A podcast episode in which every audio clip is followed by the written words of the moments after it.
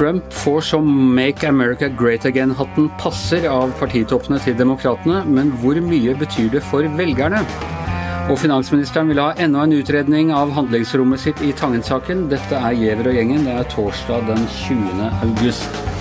Og ja, Per Olav eh, Ødegaard, du blir mer og mer rødøyd for hver dag her etter å ha sittet oppe om natta og fulgt eh, Demokratenes digitale landsmøte fra Wisconsin. Vi skulle helst ha vært der borte, Anders, og så fulgt det på eh, sen kveldstid istedenfor å måtte stå opp sånn midt på natta, hadde jeg følelsen av, for å følge disse tingene. Ja, for, for det er jo virkelig midt på natta altså, sånn mellom tre og fem dette her, eller? Ja, ja dette er sen kveldstid i USA, og det jo, hadde passet oss langt bedre. Ja, ja. Men i hvert fall fall, eh, det var en ordentlig stjerneparade i natt med, med Hillary Clinton og, og, Barack Obama og eh, Camilla Harris. Ja, det var jo også flere andre ledende kvinner i eh, Det demokratiske partiet. Det var Det handlet ganske mye om Kvinne, kvinne, kvinnekamp, egentlig, og kvinners rettigheter, borgerrettigheter. Um, og Kamala Harris var jo en av de som snakket veldig mye om det, om de kvinner som har gått foran henne. og um, hun er jo en, hun er en historisk figur som den uh, første da uh, svarte visepresidentkandidat, og med en, bakgrunn med indisk-amerikansk og Eh, og eh, svart amerikaner. Så eh, det er Og de, de spilte var, Hun snakket mye om det, andre snakket også mye om dette. Det er jo et forsøk på å liksom tegne et parti som er ja, flerkulturelt, som har et mangfold av både etnisitet og kjønn. ikke sant, som, At det preger dette partiet. Det er det de ønsker å framstå som. Jeg må si, Både du og jeg vi er jo vant til amerikansk politisk retorikk, og, og at amerikanerne kan være litt mer sånn sentimentale og, og Sånn, men de virkelig klemmer til her. altså Her er det liksom ikke en død tante som ikke kan brukes for å vise uh, hvor, da, hvor, empatisk Joe Biden er, eller, uh, eller, det er virkelig De kjører ordentlig, smører ordentlig tjukt på. Ja, og det blir jo liksom en helt annen produksjon òg, når du kan liksom lage en sånn Dette blir jo et politisk vi snakket om at det var politisk show før, når det var sånne landsmøter, men egentlig var det litt sånn kjedelig TV. egentlig. Men nå kan de jo Nå legger de inn uh, musikkinnslag. De har fine, forhåndsinnspilte videoer. Det er godt planlagt. Det flyter altså Dette er jo en, liksom en, det er en regi over det som vi aldri tidligere har sett. Så spørs det jo hvor godt det fungerer da med sånne type digitale landsmøter. Ja, for seertallene går ned, i hvert fall på vanlig lineær-TV? Ja, det gjør det. Eh, det er færre som ser på de store riksdekkende kanalene. Men så vet vi jo samtidig at eh, TV-vanene de har forandret seg der, akkurat som de har gjort her. Veldig mange ser dette på eh, digitale flater, og det er litt vanskeligere å måle hvor mange som da egentlig ja. følger med. Jeg merker jo for, for, egen del, jeg står da ikke opp om natta, men jeg går til jobben, så kan jeg liksom ta høydepunktene på, på mobilen da, så det er jo en helt annen uh, mulighet til å følge den type ting. Men altså dette er jo et spørsmål som, som, gjør seg gjeldende ved hvert valg, men kanskje ekstra nå pga. denne digitale overføringen. Har dette noe å si for annet enn de allerede frelste sjeler? Du nevnte her før, før vi starta at uh, seertallene går ned på Fox og opp på MSNBC, som er liksom det liberale motstykket til, til Fox. Så er liksom de preker for koret her, som det heter. Ja, og jeg er helt sikker på at det er akkurat motsatt. Det kommer vi til å se neste uke når republikanerne har landsmøte. Da er det ikke like mange som følger på MSNBC, men dermed så kommer Fox sikkert til å ha veldig høye seertall. Eh, jeg tror det. Og det, det, det, handler jo, som før, tror jeg, mest om å mobilisere egne velgere. Egne Altså spesielt de som Jeg tror veldig mange allerede har bestemt seg for hvordan de vil stemme i 3.11. Eh, men så er det jo selvfølgelig en del litt usikre velgere som vanligvis stemmer demokratisk eller vanligvis stemmer republikansk. Og så har du denne gruppen av uavhengige velgere som kan gå begge veier. Og Det er jo de, det er disse her usikre og de, og de, uavhengige dette tror jeg handler om. De forsøker å appellere til de. Og, og så er det dette med å mobilisere. Man vet at når når mange stemmer, så gagner det demokratene. Hvis færre stemmer, så gagner det republikanerne. Så det er vel også for å sette uh, omp i uh, alle de frivillige medarbeiderne som nå skal oversvømme landet og banke på dører og, og, prøve å få folk til å komme ut og stemme? Ja, og så er det jo det at valgkampen kan ikke liksom foregå helt som vanlig. Det, det blir ikke, kanskje ikke så mange som oppsøker folk hjemme. Det blir ikke de store valgmøtene. Det kommer til å foregå i sosiale medier og ja, på TV-skjermene til folk, eller på dataskjermene deres. Og eh, da handler det veldig mye om mobilisering. Jeg tror nok en en lærdom demokratene gjorde i 2016, var at eh, fordi en del av de som hadde stemt da Obama ble valgt og gjenvalgt, satt hjemme på valgdagen eh, da Hillary Clinton var kandidat, kostet dem på en måte valget den gang. Så, eller valget, eh, seieren den gang. Og nå er det jo åpenbart hvordan alle disse ledende kandidatene understreker dette så tydelig, ikke minst Hillary Clinton i natt hvor utrolig viktig det er at folk bruker stemmeretten, og gjerne går og stemmer allerede nå.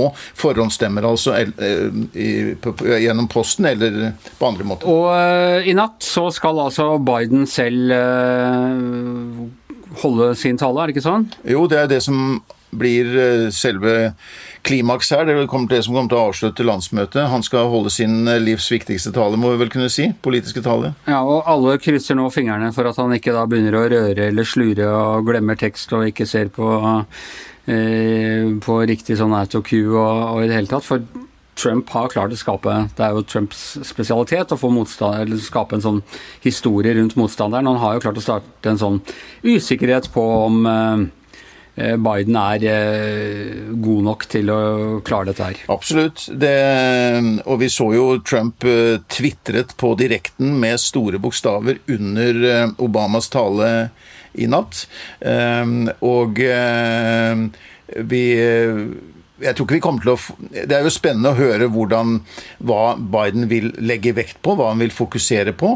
Om det blir egen politikk, egne planer, eller om det blir kritikk av av Trump, eh, som blir det viktigste. Eh, jeg tror ikke han kommer til å gjøre noe feil, noen sånne åpenbare feil i natt. Dette er så god regi på. Vi har sett at de har såpass god regi på dette at jeg tror ikke overraskende som kommer nå. Det blir nok mer krevende når disse, disse to skal møtes i debatt. Der er det jo mulig at begge to kan komme til å uh, uh, si ting som er lite veloverveid. Ja, det blir spennende å se. Eh, vi, eh, vi fortsetter å følge det. Eh, nå skal vi hjem igjen, fordi da er Hanne Skartvedt kommet inn. Og Hanne, ja, VG har nyhet nå på at Jan Tore Sanner har bestilt en ny Tangen-utredning. Han vil ha en ny vurdering av hvilket handlingsrom han har for å gripe inn i denne Tangen-saken. Nå begynner politikerne å bli temmelig despe for å, for å få gjort noe. De gir seg ikke før de liksom får får det mandatet de skal ha. Ja, Det mange lurer på er hvorfor ikke Jan Tore Sanner gikk til Lovavdelingen i Justisdepartementet med en gang, men gikk til et privat firma ute på byen som attpåtil hadde hatt oppdrag for eh, Nicolai Tangen tidligere i sommer. Eh, for det er jo et naturlig sted å gå, nettopp til Lovavdelingen, som har bred tillit hos alle. Ja, og, men når han nå en gang ikke valgte å gjøre det, ser ikke dette ut som det er en sånn nærmest heksejakt på kunne gripe inn? Jeg ser at noen prøver å gjøre til det. Det som er kjernen her, er at representantskapet, Stortingets kontrollorgan, som er bredt sammensatt politisk, alle store partiene er der, har kommet eh, med sterke innsigelser mot ansettelseskontrakten til Nicolai Tangen. Sier at det er fortsatt ikke eh, fjernet eh, interessekonfliktene mellom Tangens private formue og oljefondets investeringer. Og hvis Stortinget skulle latt være å handle når de fikk en slik rapport fra sitt eget kontrollorgan, da hadde Stortinget vært ute å kjøre. Men er du enig at det ikke ser bra ut at eh, finansministeren eh, liksom må bestille en ny utredning når han ikke er fornøyd med konklusjonen, eller Stortinget ikke er fornøyd med konklusjonen på den første? Ingenting med denne saken ser bra ut. Det er en kjempesuppe. Og så må man huske hvor saken begynte, nemlig at eh, hovedstyret i Norges Bank ansatte Nicolai Tangen uten å fortelle finansministeren at han fortsatt skulle bevare eierandelen sin i AK Capital, uten å fortelle at han hadde verdier i skatteparadis. Ehm, og det burde Norges Bank ha gjort. Eh, for det er klart at nå har de ansatt en eh, mann som, som Norges Banks representantskap mener befinner seg utenfor det etiske regelverket som skal gjelde alle ansatte i Norges Bank. Det er klart det er det som er utgangspunktet her, og det har gjort at alt har gått veldig gærent i denne saken. Spurte finansministeren eller Finansdepartementet om disse tingene da de ble forelagt ansettelsen? Jeg tror ikke de spurte om Tangen eh, eide et fond som han skulle fortsette å eie. Og husk at både Tangen selv og Olsen sa jo på den første pressekonferansen Finansdepartementet må ha hørt om Tangen fra før av. De, de, tenkte ikke 'å ja, så hyggelig, han er sikkert en flink fyr'. De, de, visste hvem han var. Ja, Det er jeg litt usikker på om de i hvert fall hadde sterkt kjennskap til han. Det tror jeg kanskje ikke de hadde. Og husk at på den første pressekonferansen hvor de la fram hvor Tangen ble presentert, så sa jo både Tangen selv og Øystein Olsen at han skulle bryte alle bånd til AK Capital. Og det er jo det mange nå ser at det har jo ikke skjedd. Hva lå egentlig i de ordene? sånn at det har vært det har vært dårlig kommunikasjon og dårlig håndtering hele veien her. Og nå er det sånn at øh, altså finanspolitikerne har diskutert dette på Stortinget, og de skal levere en innstilling i morgen. Er det en slags samlet innstilling, eller hvordan blir den? Ja, det, det man håper på er jo på Stortinget at det skal bli en enstemmig innstilling. Det eneste som ikke har flagget ordentlig hva de mener foreløpig, er jo Høyre. Eh, hele innstillingen kommer på bakgrunn av at finanskomiteen kalte inn både Olsen og Julie Bråttkorp, leder for representantskapet, i forrige uke til en åpen høring om saken, nettopp fordi at de to spriket så veldig i sitt syn på ansettelseskontrakten til Tangen. Og det som er viktig å huske på, er at det er jo verken Stortinget eller representantskapet har, har, tatt stilling til hvorvidt Tangen skal ansettes eller ikke, men de er opptatt av hvilke vilkår det skal være, og hvilke vilkår som skal ligge til grunn for en sjef i oljefondet. Om det skal være interessekonflikter eller ikke, om hvordan de kan håndteres, og om han skal innfinne seg innen det etiske regelverket eller ikke. Og hva er den sannsynlige konklusjonen på øh, en øh, enstemmig innstilling? Eh, det som det ser ut til nå, er at de kommer til å anmode finansministeren om å ta en ny kontakt med eh, Norges Banks hovedstyre for å se på ansettelseskontrakten. Og, skal, og, og skal de se på ansettelseskontrakten, og så skal det gå et lys opp for dem, og så skal de si til Tangen ja, men eh, dette går jo ikke an, vi, vi har jo ansatt deg på helt feil premisser.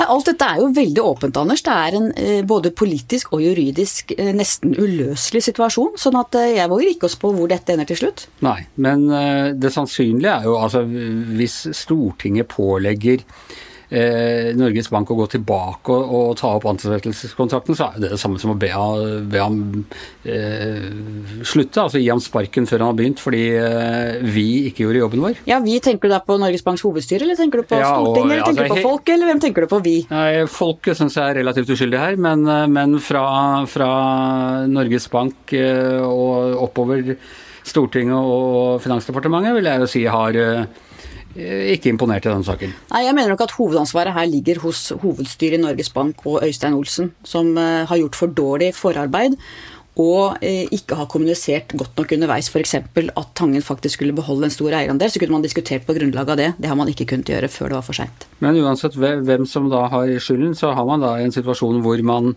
antagelig må be ham eh, om å slutte før han har tiltrådt. Og da er det spørsmål om sjefen i Norges Bank også kan bli sittende? Ja, det er veldig mye som står på spill her. Og det gjør også at politikerne behandler denne saken med stort alvor og syns det er veldig tungt. Jeg har vært på Stortinget nå flere dager og ser at politikerne syns dette er en utrolig krevende sak. Med, og de føler ansvaret på skuldrene ja. sine. Har du sympati med dem? Ja, de har fått noe i fanget som de ikke var forberedt på. Fordi at Da de vedtok sentralbankloven, så hadde de aldri sett for seg denne situasjonen. Nei, Da er det liksom utrolig at de har klart å, å, å komme så langt, og at de liksom også må, må be om ekstrainnstillinger når de ikke får de innstillingene de vil. Og det ser jo ut som det er et sånt politisk røvertokt, dette her. Nei, Der er jeg helt uenig, Anders. Dette er ikke et politisk røvertokt. Dette er Stortinget som tar sin oppgave med stort alvor. Det må de gjøre i en slik situasjon. Husk, oljefondet er våre felles sparepenger som eh, Stortinget selvfølgelig ikke Det er ingen som mener at Stortinget skal blande seg opp i ansettelsen av Nicolai Tangen, men de mener at de må kunne mene om hvordan fondet skal forvaltes, og om det skal om lederen i oljefondet, uansett hvem det måtte være, kan ha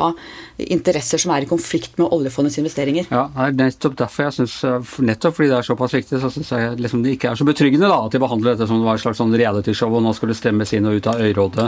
Nei, uh, Anders Giæver! Det der er jeg, du er, du, dette er helt uenig i. Dette er mye mer alvorlig, og de tar det mye mer alvorlig enn det du snakker om realityshow. Ærlig talt, altså. Ja, Men allikevel, du, du, må være enig at vi er enige om at det er viktig med oljefondet med Norges Bank og dens uavhengighet. Absolutt. Og hele dette kall det sirkus eller kall det veldig seriøs behandling, det har ikke akkurat styrket tilliten. Nei. Og, og, her kan jo alle ende opp med tapt tillit og tapt omdømme. Det er veldig alvorlig, hele saken. Ja, Det blir spennende å se hvilken innstilling eh, de lander på i morgen. Giæver og gjengen er over for i dag. I morgen er det Giæver og Gjertsen som skal eh, fylle lyttetiden. Eh, I hvert sitt studio i dag Per Olav Ødegaard, Hanne Skartveit Anne Skjever og vår mann fortsatt med full tillit fra podkastens representantskap og sikkerhetsutvalg heter Magne Antonsen.